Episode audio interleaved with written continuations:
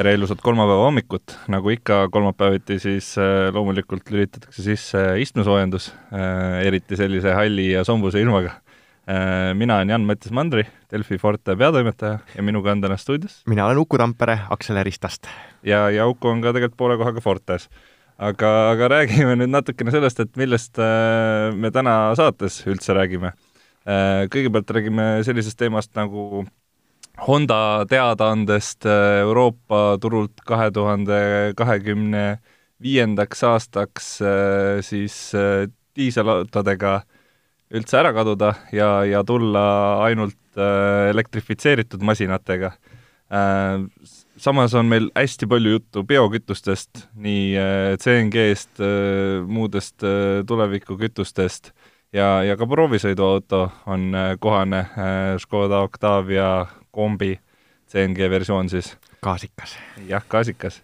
ja, ja, ja nipinurgas äh, räägime natukene auto hooldamisest, et mina ja Uku jagame enda kogemusi, et kuidas meie oma autodega ümber käime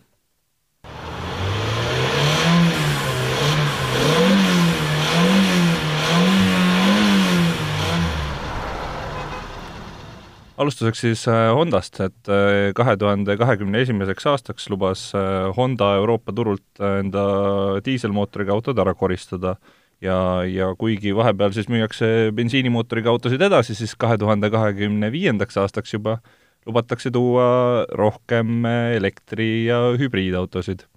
Tegelikult on see hästi selline tavaline trend, et kes on autouudistega kursis, see on kindlasti tähele pannud, et ka mitmed paljud Äh, teised tootjad on öelnud seda, et äh, et just kakskümmend, kaks tuhat kakskümmend viis on see nende jaoks see oluline termin, mis hetkest äh, nad, nad siis selliseid suuremaid muudatusi tegema hakkavad. ja, ja avakski natuke selle tausta, et tegelikult selle taga on Euroopa Liidust tulenevad nõuded, mis nõuavad seda, et tegelikult võrreldes kahe tuhande kahekümne esimese aastaga Äh, peab kahe tuhande kahekümne viiendaks aastaks nii autode kui ka busside emissioon vähenema viisteist protsenti ja siis äh, kahe tuhande kahekümne viiendast kahe tuhande kolmekümnenda aastani äh, sõiduautodel koguni kolmkümmend seitse koma viis protsenti ja bussidel kolmkümmend üks protsenti. nii et ilmselt muutuvad need nõuded veel karmimaks aja jooksul ja, ja me saame nagu tõsiselt äh, näha, kuidas see autoturg muutub ja tegelikult need ongi juba selle esimesed märgid, mis siin on, et tegelikult on ju ka teised tootjad. no just, et äh, Daimler teatas üsna hiljuti, et nad lõpetavad üldse millegi muu arendamise ära, et tegelevad ainult elektriga edasi ja, ja noh, eks sinnasamasse kategooriasse läheb ju ka see, et erinevad linnad keelustavad äh, sisepõlemismootoreid mingisugusest ajast ja mina võtaks selle kõik kokku ühe suure paanikaga et äh, tulevad mingisugused nõuded, kõik justkui tahavad midagi rape, rabeleda, raputada ja siputada ja päris täpselt ei tea, mis nad teevad ja siis äh, justkui nagu ma nüüd ei, ei oska nagu päris täpselt öelda, et kas see on nende eesmärk, aga tundub, et paberil tahetakse asjad justkui väga ilusaks teha ja, ja nii-öelda oma tooterivi keskmist süsihappegaasi emissiooni alla tuua. ja noh, elektriautod on selleks variant, et kuigi Eestis on see niisugune kahepalgeline värk veel esialgu selle põlevkivielektri tõttu, siis mujal maailmas on ju nii-öelda rohelise elektri osakaal suurem ja, ja seetõttu saab arvutustes näidata ilusamaid numbreid või ei ole see nii? see on täpselt niimoodi ja, ja, ongi see, et äh, kuna seda kes-, või tähendab, seda emissiooni hulka arvut-, arvutatakse autode keskmise pealt, siis ongi see, et tegelikult sa saad siiamaani müüa edasi ka äh, a la Ford Mustangit, millel on nagu emissiooninäit on kõvasti-kõvasti üle sellest, mis tegelikult see keskmine on ja samal ajal sa müüd paar elektriautot ja, ja siis ongi see nagu jälle tasa omavahel. ma mäletan aega, kui need esimesed jutud tulid selle kogu mudelirivi keskmise emissiooni kohta, et siis Aston Martin ju Toyotaga koostöös tekitas ka ühe niisuguse tikutopsi auto ja siis spekuleeriti seal kõrval, et et eh, noh, avalikult seda küll väga välja ei öeldud, aga spekuleeriti seal kõrval, et selle eesmärk oli just nimelt panna Aston Martini muidu väga sportlike autode rivisse üks selline tikutops, mis siis kunstlikult seda keskmist emissiooni alla toob. jah, et võib-olla, võib-olla me näeme ka tulevikus seda, et eh, et ongi sportautode tootjad näiteks koonduvad äh, teiste tootjate juurde, kes, kes teevad siis neid nii-öelda keskmisi autosid ja, ja siis sportautode tootjad saavad jätkuvalt enda autosid äh, edasi teha, et kui me võtame kas või Porsche, on ju, äh, uus Taycan, äh, täiselektriline, aitab ilusti alla tuua selle mudelirivi keskmise, et Porsche saab neid teisi autosid edasi teha ja tegelikult on ka on ka neid hübriide on Porschel juba viimasel ajal päris palju peale tulnud, et, et ka, ka selliste siia, siiamaani väga suurte emissiooninõitudega autotootjad äh, on, on ka sama teed ikkagi astumas. kas äkki võiks öelda, et me peame seda kõike taluma, et me saaksime ka edaspidi suure töömahuga bensiinimootoreid tarbida. aa, et sa tahad seda Dodge, Dodge Rami ikkagi, et te, teised las sõidavad hübriidiga, aga tahaks Dodge Ramiga sõita? noh, Porsche kontekstis ma tahaks sõita vähemalt üle kolmeliitrise reas kuuese mootoriga. Jah, aga selleks peab äh, keegi ilusti ostma need elektrilised ja hübriidid ära, et et, et siis saab see üks, üks endale seda lubada. aga see pole mitte niisugune nojah, sellest juba rääkisime, kuidas ta natuke selline kahepalgeline värk on. okei okay,, ühest küljest on areng niikuinii minemas sinna suunas, et elekter on tegelikult väga tore, et elektriautoga on sõita tore ja kõik muud toredad asjad. aga, aga minu jaoks on probleem selles, et, et seal taga on nii-öelda vale, vale mõtlemine, et hästi palju pööratakse tänapäeval tähelepanu sellele, et mingisuguse toote tarbimise tsüklis oleks emissioonid jube väikesed. konkreetselt autode kontekstis siis see, et et kui auto sõidab, siis tal kilomeetri kohta tuleks võimalikult vähe süsihappegaasi. aga minu meelest minnakse sellega natukene üle piiri, et äh, kangutatakse mootoreid üha täpsemaks, kütuseid üha puhtamaks, emissiooni üha rohkem alla, aga kogu seda summaarset pilti, mis on nii-öelda sellest äh, tooraine maapõuest välja tulemisest kuni siis äh, auto ümbertöötlemisele või utiliseerimiseni, et seda tsüklit ei vaadata. ja sellepärast ongi kogu see rabelemine nende väiksemate emissioonide poole niisugune kahepalgeline, natuke nagu tuuleveskitega võitlemine no see on näiteks seesama asi, millest Ülle on hästi palju kirjutanud, on ju, et äh, tegelikult kust see, kogu see akude tootmiseks vajalik äh, materjal tuleb, et seda ju ei Täpselt. eksisteeri. Et ja, ja kui eksisteerib, siis tegelikult seda kaevandatakse kuskil äh, noh, kolmandates riikides, kus seda tehakse niimoodi, et ma arvan, et mitte keegi elektriautode omanikest ei taha tegelikult teada, kuidas seda tehakse, et äh, niimoodi on on südamerahule kõige parem, et mul on siin ettepanek mõnele teadlasele, et keegi võiks võtta ühe näiteks üheksakümne neljanda aasta Audi saja ja siis arvutada välja selle nii-öelda summaarse jalajälje kliimale ja siis võtta sinna kõrvale mingisugune kõige rohelisem elektriauto, mis tänapäeval on, ja arvutada seesama välja. ja täpselt ja põhjalikult, noh, midagi on nagu öeldud siin-seal aga ma väga ootaks selliseid tulemusi ja väga tahaks teada, kumb on tegelikult keskkonnale summaarselt leebem. Jah, et kuna me siin juba sellise rohepesu teemadele natukene kaldusime, siis äh, räägime üldiselt äh, nendest kütustest, mis meil praegu reaalselt äh, valdavas osas kasutamises on ja ja rohepesust, et äh, selgita täpselt, mis see, mis see rohepesu seal tänapäevaste kütustega tähendab? no kui ma juba enne natuke jõudsin sõjakale lainele meelestada, siis nüüd, nüüd võiks nagu päris kohe hulluks kätte ära minna. et eh, need biokomponendid, mida praegu kütusesse pannakse mm, -hmm. et ma ütlesin selle ka mõned päevad tagasi välja, et see on praeguses maailmas, praegusel kujul täielik rohepesu. et eks ta aitab siin jälle paberite peal numbreid ilusamaks saada, et näete, et fossiilseid kütuseid kulutatakse natukene vähem aga seesama kahepalgeline maailm, et olukorras, kus meil see biokomponent tuleb kusagilt põllu pealt või selleks võetakse maha vihmametsi, et palmiõli toota, siis, siis mis on see summaarne kasu? pluss siis veel teine pool, et, et tegelikult ei ole tänapäevane tehnika sellisel kujul biokütusteks ikkagi päris valmis. mis kui see tähendab? noh, kui need biokomponendid tulid, siis ju räägitigi, et äh, vanematele sõidukitele see ei sobi ja näiteks äh, pisikestele mootoritele, muruniidukitele see ei sobi. ja, ja siis teine asi on veel see, et selle biokomponendiga kütuse nii-öelda parim enne saabub nii kähku, et põhimõtteliselt äh, öeldakse, et kuskil kuu, äärmisel juhul kaks, võib see kütus paagis olla, aga kuna ta seal puutub niiskusega kokku, siis, siis ta lihtsalt lähebki tuksi. Ja, ja seal ei ole vaja nagu ainult teoretiseerida, et paljud väikemootoritele, ma räägin siis muruniidukitest ja muudest sellistest, et nende varuosade müüjad ütlevadki, et pärast biokomponendi tulekut siis äh, läheb karburaatoreid nagu sooja saiu ja sotsiaalmeedias erinevates gruppides ikka postitab keegi pildi, niisuguse õnnetu pildi ära roostetanud ja mingisugust ollust täis väikesest muruniiduki karburaatorist ja seal all jõuab praktiliselt kolmanda kommentaari juures asi selleni, et eh, no jaa, aga see on ju biokütust oled kasutanud, vale kütust oled sisse pannud. aga mida sa ütleks selle üheksakümmend viis E kümne ehk siis selle biolisandiga kütuse ja üheksakümne kaheksa saaga kohta, et äh, kuidas ise on, kas sa, kas sa tangid üheksakümmend kaheksat või sa tangid ikkagi seda biolisandiga kütust? ma tangin üheksakümmend kaheksat, sest et äh, ma olen äh, viimase aasta jooksul saanud teha kappremondi ühele vanemale Mercedese mootorile, mille eelmine omanik kasutas eranditult E10-t. noh, see on siis Soomes hästi pikalt ja reaalne tulemus oli see, et sellel lihtsalt äh, oksüdeerusid äh, klapipesad ära ja põlesid klapid ära, sest et see mootor ei ole valmis sellist kütust kasutama. Noh, üheksakümne kaheksas on seda biokomponenti viis protsenti ja see osakaal on nii palju väiksem, et see otseselt kahju ei tee.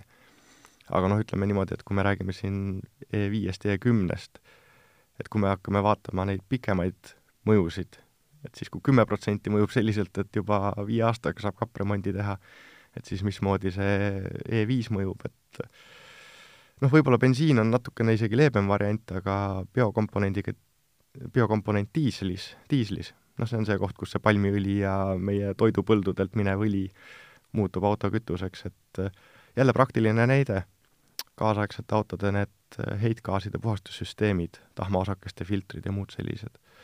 Et Rootsis on juba aastaid olnud saadaval päris suure biokomponendi sisaldusega diiselkütus, et äh, ma ise olen teinud pilti Rootsist, kus on kirjas, et kuni kakskümmend viis protsenti võib olla biodiislit. Ja pärast paari praktilist katset siis ma loobusin Rootsis tankimisest, sest et minu toonane kaubik, millega ma Inglismaa vahet sõitsin, lihtsalt ei kannatanud seda kütust, et pärast seda biokomponenti ei ole jõudu ja tahmaosakeste filter praktiliselt kogu aeg lihtsalt puhastab ennast, nii et seal on nagu niisugune isegi reaalne sõidus tajutav mõju olemas. ja siis veel üks nüanss sinna juurde, et et olen vahetanud ka kütusefiltrit, mis lihtsalt äh, ummistus. Ja seal sees oli selline sisuliselt tavott. ja ma ei saanud sellest aru, ma mõtlesin, et äkki on lihtsalt solkkütus olnud või või mingisugune muu rike, aga mõned päevad tagasi üks kütuseid vedav ettevõtja rääkis, kuidas seoses biokomponendiga kütustega, just diiselkütusega, on tekkinud selline tore asi, et pärast kütuse mahalaadimist jääb mahutitesse ja torustikesse seesama tavott. et näiteks paagi lõpus olevat, mahuti lõpus olevat kütust ei saa enam kuhugi kanistrisse panna või mujale nagu tarbimisse, sest et see on lihtsalt saastunud mm. -hmm. ja noh, jällegi, kindlaid tõendeid ei ole, sest et seda ei ole veel jõutud nii palju uurida, aga kui ma panen kom-, komplekti kõik need näited, mis mul lühikese aja jooksul tuua on, siis siis ma võin öelda, et maailm ei ole veel valmis. aga ennekõike ikkagi seesama, et kust tuleb see biokomponent. et me teame, et Neste teeb jäätmetest mingisuguse osa oma biokomponendist ja see, see on tõepoolest nagu roheline maailm, sest muidu on jäätmed, mis läheksid kuhugi põletamisele, hävitamisele, aga need pannakse nüüd siis kütuse sisse. aga enamus biokomponendist on ikkagi palmiõli, rapsiõli, ja, ja muud niisugused asjad. see on lihtsalt kõige, kõige odavam variant. see on kõige odavam variant ja sellepärast ongi rohepesu, et see on niisugune kahepalgelise maailma tulemus, et paneme biokomponenti, kulutame vähem fossiilkütust, aga samal ajal võtame hektareid vihmametsa maha, et seda kõike endale lubada ühesõnaga, meil on siin äh, kaks uuringuteemat on teadlastele juba, juba välja koorunud tänasest saatest, aga, aga nüüd räägime ka ühest uuringust, mille teadlased juba on ära teinud ja, ja see puudutab siis äh, CNG-d, nagu ma õigesti aru sain, jah? jaa, see ei ole rohepesu see on päriselt tore, kuigi ma ei ole teadlane, aga et jaa, äh, Kantar Emor tegi Alexela tellimusel sellise uuringu, et kuidas inimesed suhtuvad äh, gaasiautodesse. Ja, ja seda ma tegelikult ise uurisin nii-öelda neti põhjal siis, kui me sellega proovisõitu tegime. ja selgubki, et arvamused lähevad väga selgelt kahte lehte. Need, kes on gaasiautot proovinud, olgu see siis LPG või CNG, äh, need väga pooldavad. kõik on kihvt, rahakotile mõjub jube hästi ja, ja kuna osa sellest CNG-st, mida me tankida saame, toodetakse siinsamas Eestis taastuvatest allikatest, siis on vähemalt see osa sellest gaasist on ka roheline ja see osakaal üha kasvab, üha rohkem toodetakse seda. ja need, kes ei ole proovinud, need ütlevad, noh, elavad tõenäoliselt mingisugustes vanades äh, mälestustes selle kohta, kuidas gaasiautod haisesid ja karburaatorid külmusid kinni ja nii edasi. aga noh, see aeg on täna kolme-neljakümne aasta taga. et kaasaegne gaasiauto ei erine tegelikult mitte kuidagimoodi nii-öelda traditsioonilisest bensiini rüüpavast sõbrast. et see on ainult üks tankimisluuk on lisaks, üks näidik on lisaks ja ei ole seal mingeid haise ega mingeid turvalisuse probleeme. kas see uuring kuidagi seda ka käsitles, et äh, kuidas nagu erinevaid gaasitüüpe äh,, kuidas, kuidas nendesse suhtuti, et tegelikult on ju mitut tüüpi gaasi olemas? Et üks on see kompresseeritud gaas ja teine on vedelgaas, on ju? Et äh, ma nüüd kahjuks jään selle praegu kohe siin võlgu, aga nii palju, kui sealt äh, mina lugesin, siis pandi nad selles mõttes ühte patta mm, -hmm. et noh, tarbija jaoks äh, see on nagu formaalsus, et kas sa võtad siis seda vedelal kujul või kompre-, kok-, kom-, kokku pressitud kujul gaasi. et äh, see on ikkagi kõik üks gaasiauto. Aga noh, tarbimise mõttes, sa ise oled ju ka proovinud, et äh, ei, ei saanud ju aru, et oleks midagi teisiti. no vot, aga laseme siia alustuseks ühe kõlli vahele ja siis, ja siis kohe räägime sellest. selle vastupandava reas neljase mootori hääle. just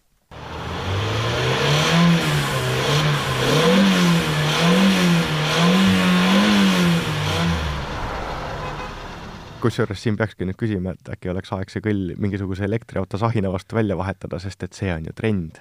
Või siis gaasiauto, et äh, noh, see Škoda Octavia kombi äh, G-Tech, äh, mis iga, iganes see pikk mudeli nimi on, ühesõnaga CNG gaasil sõitev Škoda Octavia, siis ega tal oli ka spetsiifiline hääl minu arust või ma nagu noh, kui, kui siin see uuring nüüd ütles, et mingit tohutut erinevust ei, ei tohiks olla, siis ma ütleks, et seal ikkagi oli, oli, oli erinevusi ütleme niimoodi, et äh, see on tõenäoliselt niisugune subjektiivne hinnang, sest et äh, ka et praktikas vahet ei ole, aga ka mulle tundus, et ta on natuke nagu sellisem sügavam või -hmm. tummisem, et justkui -hmm. oleks mootori töömaht suurem. vibratsiooni oli ka nagu põranda all äh, natuke rohkem tunda, ma just tundsin, kui taga istusid, siis oli tunda, et nagu läbi põranda vibreeris natukene rohkem.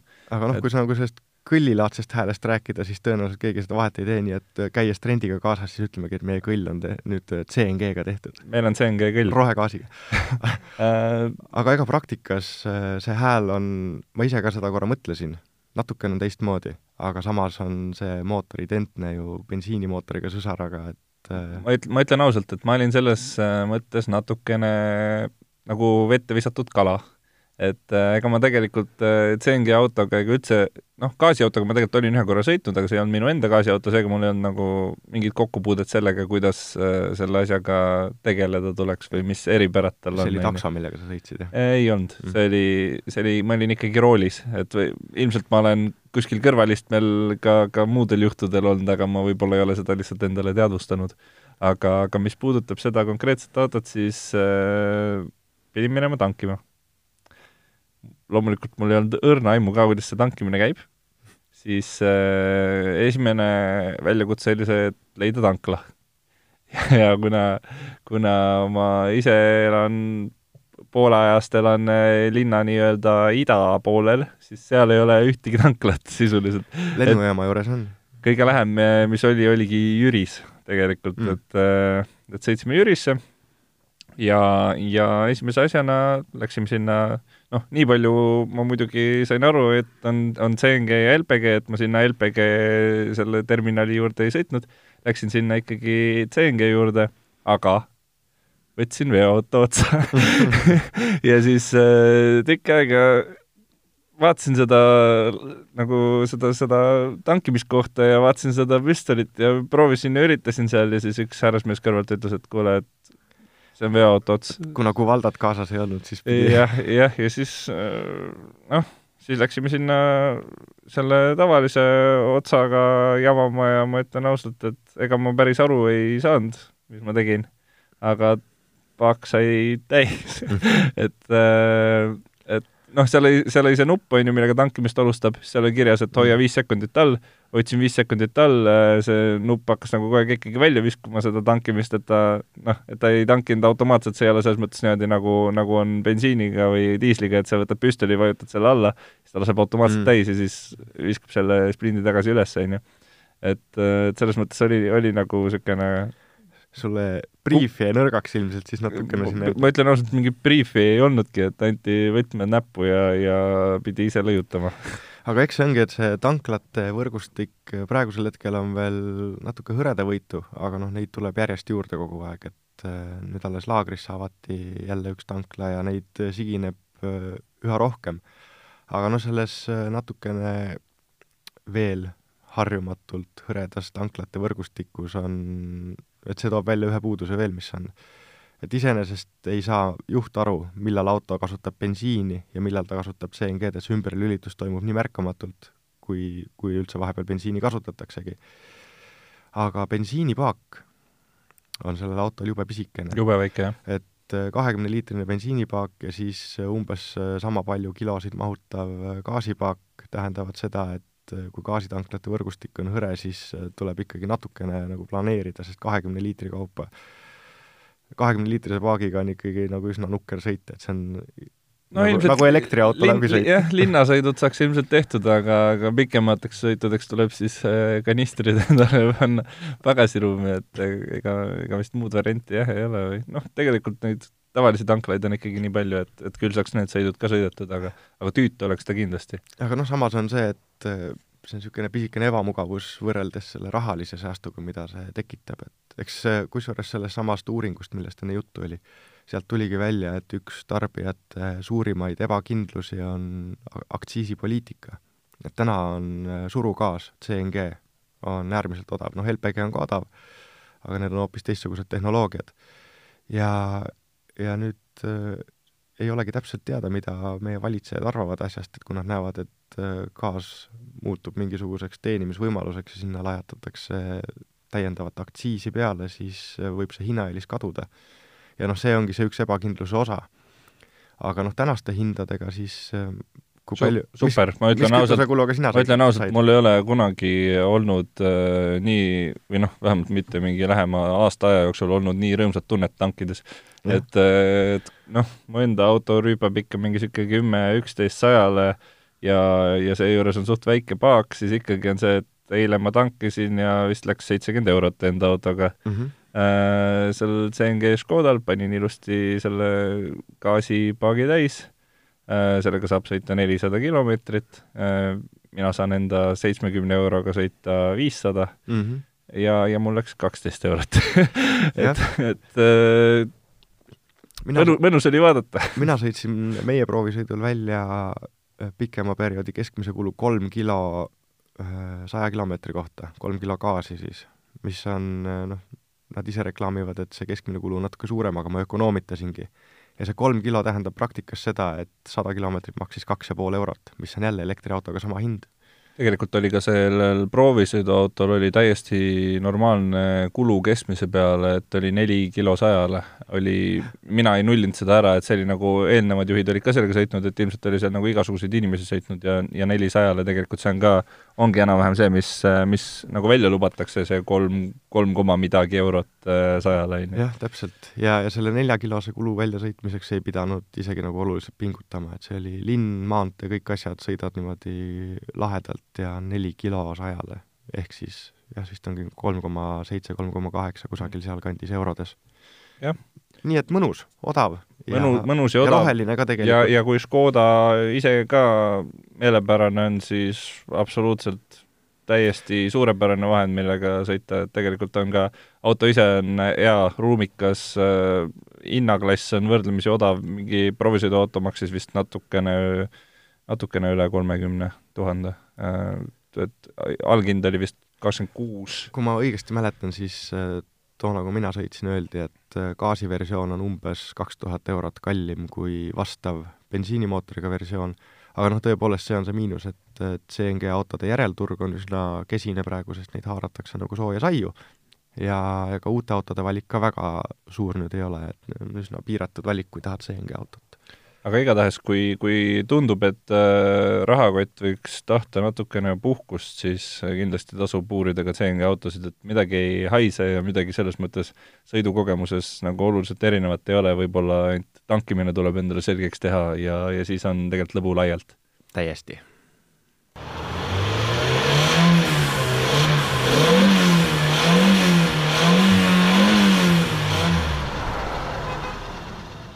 ja võtame siis saate kokku äh, auto hooldustega, et ma ütlen ausalt, tunnistan, et mul on täpselt see periood praegu kätte jõudmas, kus äh, auto tahab hooldamist ja, ja noh, kuigi öeldakse, et see normaalne välp võiks olla sellisel autol, nagu mul on alla kümne tuhande, siis mul on ta umbes täpselt kuskil seal. et äh, ma pigem lähtun tegelikult ajalisest printsiibist selles mõttes, et mul ei ole viitsimist pidevalt järge ajada, et kui mitu kilomeetrit ma olen läbi sõitnud, et ma enam-vähem planeerin aastase vahega selle hoolduse ja siis ongi see, et äh, iga aasta saab vähemalt käidud ja ja, ja võib-olla kui, kui aega leiab, siis äh, võib ju selle õli vahepeal ka niisama välja lasta ja uue asemele panna, et no see, minu jaoks on see õlivahetuse teema justkui nagu mantraks muutunud, et ma räägin seda söögi alla, söögi peale, aga kui eesmärk on see, et auto natukenegi vastu peaks, natukene kauem kui garantiiaeg näiteks, et siis äh, Eesti oludes, Eesti keskmise kasutuse juures äh, mõndade tootjate poolt antud kolmekümne tuhandelised äh, hooldusvahet, hooldusvälbad, et see on täiesti jabur. sest et võib-olla kusagil Kesk-Euroopas, kus sõidetakse pikki distantse rohkem, kliima on hoopis teistsugusem, tolmu, tolmu, kõike muud sellist ja kütuse kvaliteet on teistsugune.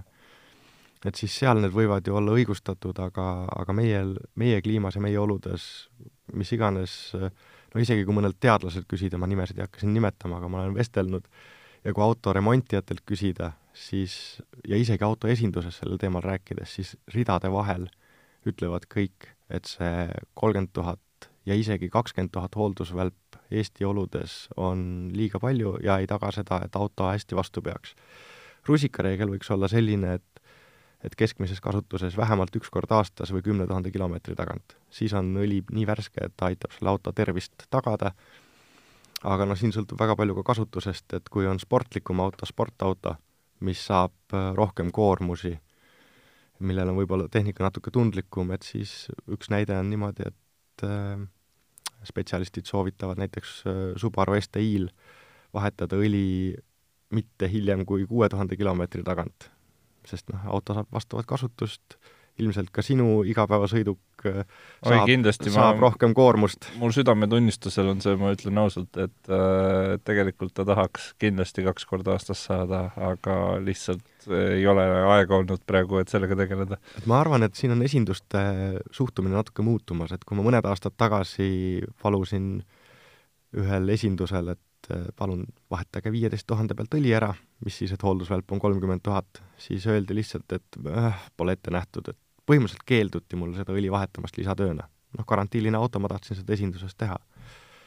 et nüüd täna kui ma lähen Marsin esindusse, ütlen, et tahan lisatööna õlivahetust, siis on mulle see ikkagi ilma nurisemata antud, aga sinna käib alati kaasa see retoorika, et miks sa seda teed, et hooldusvälp on ju kolmkümmend tuhat, et pole ette nähtud või et näiteks käigukasti õlivahetus ei ole ette nähtud, kahesaja tuhande pealt on, mina tahan kaheksakümne tuhande pealt vahetada. Aga noh, selle asja eesmärk ongi see, et mina ei taha autot tarbida lihtsalt see viis aastat liisingut, et siis, kui liising läbi saab, siis lükkan selle mure kellegi teise kaela, ma tahan, et see auto kestaks kaua ja selle peamine eeldus on ikkagi mootoriõli vahetamine. kui auto sõidab linnaotsi, siis mitte üle kümne tuhande kilomeetri aastas. kui auto sõidab äh, rohkem pikemaid otsi, siis on viisteist tuhat ka veel täiesti okei okay.. ütleme, et kui on ainult maanteeauto, mille omanik on veel teadlik ka, et noh, kasutab autot nagu mõistlikult, et siis võiks rääkida ka kahekümne tuhandesest hooldusvälbast. aga see ei ole enam keskmine auto, et keskmine auto on see, mis Tallinna ummikutes istub, palju tühikäigul töötab, äh, külmkäivitusi on palju ja sellel autol on kümme tuhat igasugune maksimum, kui tahad, et auto kestaks. ühesõnaga, inimesed, äh, vaadake üle, kui, äh, kui palju te sõidate ja millal te viimati hoolduses käisite ja, ja Uku tahab veel midagi lõpetuseks öelda. ja lõpetuseks tahan veel öelda seda, et mis puudutab hoolduse ajastamisi, siis äh, talv on auto jaoks üks karmimaid aegu ja et auto tervis eriti hea oleks, siis ajastage see, noh, kui kilomeetrid täis ei tule, siis ajastage see iga-aastane hooldus sügisesse, just nii, nagu Jan seda praegu on teinud. praegu on suurepärane aeg, et seda teha, et äh, kindlasti kaaluge seda. et auto läheks värskete mahladega talvele vastu ja siis ta kestab nii kaua. aitäh teile kuulamast, kohtume juba järgmisel nädalal, tšau!